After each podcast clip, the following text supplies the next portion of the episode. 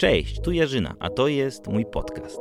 Podcast o klasycznej motoryzacji, o ciekawych ludziach, miejscach i o historiach, które chcę Wam opowiedzieć.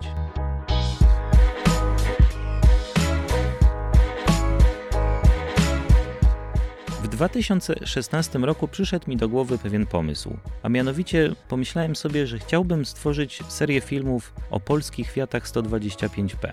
E, ważne dla mnie było to, żeby to były opowieści filmowe, ale nie tylko o samych pojazdach, e, ich wymiary, parametry, charakterystyka, ale także, żeby to były opowieści o ludziach, którzy nimi jeżdżą, właścicielach, o tym, jak je kupili, e, dlaczego je kupili, o ich pasji, tak, żeby to miało taki szerszy kontekst, żeby to była maszyna i człowiek. Stwierdziłem, że nazwę tą serię 50 lat 125P. Dlaczego 50 lat? No bo rok później, w 2017 roku, przypadało 50 lat do rozpoczęcia produkcji e, tego samochodu w 1967 roku. Więc nazwałem tą serię 50 lat 125p. Jeszcze była kwestia, no jak pozyskać ludzi chętnych, którzy opowiedzą o tych swoich samochodach, więc stwierdziłem, że użyję forum 125p.pl, na którym już byłem zalogowany oraz stowarzyszenia, którego byłem członkiem, Stowarzyszenia Miłośników Fiata 125p. No i tak pojawili się pierwsi chętni ochotnicy, w sumie no, zgłosili się w ciemno. No i pierwszą osobą, która była chętna opowiedzieć o swoim samochodzie na ochotnika,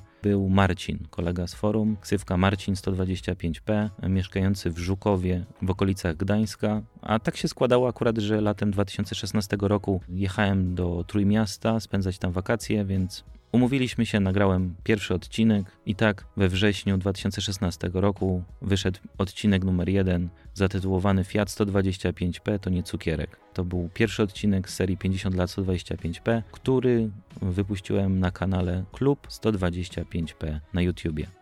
Od początku moim założeniem było to, żeby powstało 50 odcinków. Do tej pory, na moment nagrywania tego podcastu, powstało ich 19, kolejne są w planie.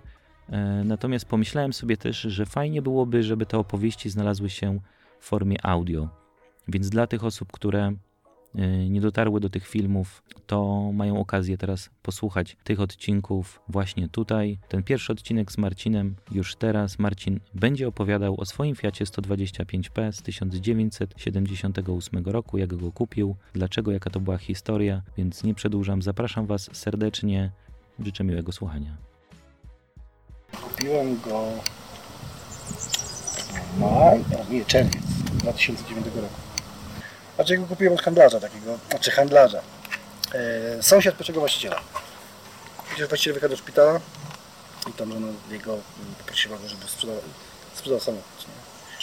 Nie? Że niby od pierwszego właściciela, ale już wiadomo jakąś tam marżą handlową. Podejrzewam, że pierwszy właściciel dostał za niego 500 zł i tyle, bo wtedy jeszcze tyle można czasami było kupić kwiata. No ja za niego dałem 2000. Znaczy wiesz, mój, generalnie moja koncepcja na, na początku na kupno Fiata była taka, że kupuję Fiata. To ma być samochód CPR. Przynajmniej 1.4 Rovera. I to będzie taki samochód, żebym się mógł poszaleć sobie. I jak tego kupiłem,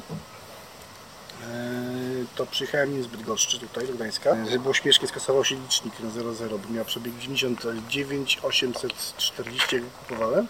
To jak wjeżdżałem na obwodnicę, czy z autostradę na obwodnicę, skasował się licznik. Nie? Nowy samochód przywiozłem, tak? Mm. jak się później okazało, no samochód stał 6 lat, czy to się wcześniej okazało, że stał 6 lat, 6 lat, to widziałem wcześniej. I pan, który go kupił od tego, tego dziadka, yy, nim jeździł przez chyba 2-3 tygodnie, bo mu się BMW zepsuło. Także generalnie Fiat nie był w jakimś tam idealnym stanie. Samochód nie spełniał wszystkich moich kryteriów, które miałem kupując Fiata, bo to miał być M75. Miał mieć flatnerki, miał mieć podłokietnik Tego nie ma. Aczkolwiek cała reszta jest ok, nie? czyli są lampki w drzwiach, jest, jest cika kierownica, jest e, zamek na kluczyk, także to generalnie to jest pierwszy samochód, który rozbiłem.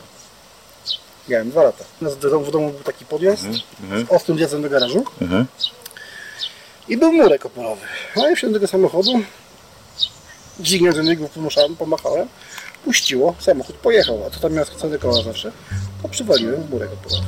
Fiat to jest pierwszy samochód, y, co prawda klasyk, dlatego ja nie przykładam za klasykami. Mam traumę z klasykiem, bo klasyk miał skrapelę i ja tych klamek nie mogłem otworzyć, miałem 3-4 lata. I to pamiętam do dzisiejszego dnia, że stoję przy wiśniowym Fiacie i próbuję wcisnąć tą klamkę i nie, nie mogę go otworzyć. Nie? A dziadek miał już y, przejściówkę z kasetowymi klamkami mhm. i ten mi pasował. Miałem ładę. Kupiłem ją po to, żeby temu użyć. Kupiłem. Kupiłem ją dlatego, że piłem piwo, oglądałem Allegro i patrzę, o kurde, baćka łada. piłem piwo marki Żiguli. Autentyczne. Dzwonię do niego. Ty sobie te łady sprzedajesz? No. Nie, to nie chcę. Bo tam masz jakąś kosmetyczną, no 2,5 to ci mogę oddać, nie? Dobra. Dzwoniłem do chłopaków, no, komisja została obejrzana, za- zatwierdzona, że można to kupować i kupiłem. I dzisiaj dwa lata ponad ładą, yy, jako daily. Normalny daily card. Co ja nim robiłem? Na początku właśnie te hamulce, do dzisiejszego dnia nie tknąłem. E, A to jest, to jest dobry wynik, 6 lat na hamulce w Fiacie, nie? Wymieniałem amortyzatory, znaczy z przodu cały układ kierowniczy był wymieniony. Bo moja wizja tego samochodu to nie ma być cukierek. Cukierków jest mnóstwo. Ludzie robią cukierki, ludzie robią e, samochody, które wyglądają lepiej niż jak były nowe. Ja nie lubię tego. Ja lubię samochód, który ma jakieś tam ślady. Ja, ja chcę, ja, ja bym chciał parę rzeczy porobić. E, nie mam żadnego ścienia, nie mam takiego czegoś jak plan ten samochód, że go ja będę robił to, to, to, to, to teraz. Nie, to jest samochód, który mam do końca życia i dużo czasu będę miał. Ja tutaj Paka 20 tak normalnie jeździ, on też potrafi 140. Znaczy ja tutaj widziałem na liczniku 165. Z tym silnikiem. I tak całą prawie wodnicę przeleciałem. Co robi, robiło wrażenie na ludziach, którzy przydały, to fakt. Niestandardowo to jest tak 100, między 100 a 120, taka prędkość podróżna. On przy takiej prędkości, jak jadę gdzieś tam w trasę, to w granicach 8,5 litra pali. Takie wiesz, tankowanie pierwsze po, po zimie, to już tam 13, 14, to średnio wychodzi. Jak ktoś się mnie pyta, ile samochód mi pali, to ja mu odpowiadam, że 3 zbiorniki w roku. No to jest trochę tam zaniżone, bo trochę więcej zbiorników potrafi czasami. Jak e, czasami muszę odstawić jeden z powozów, to jeżdżę tym, no to wtedy tak, wtedy to czuję, że to jednak boli. Teraz nie ma takiej ceny.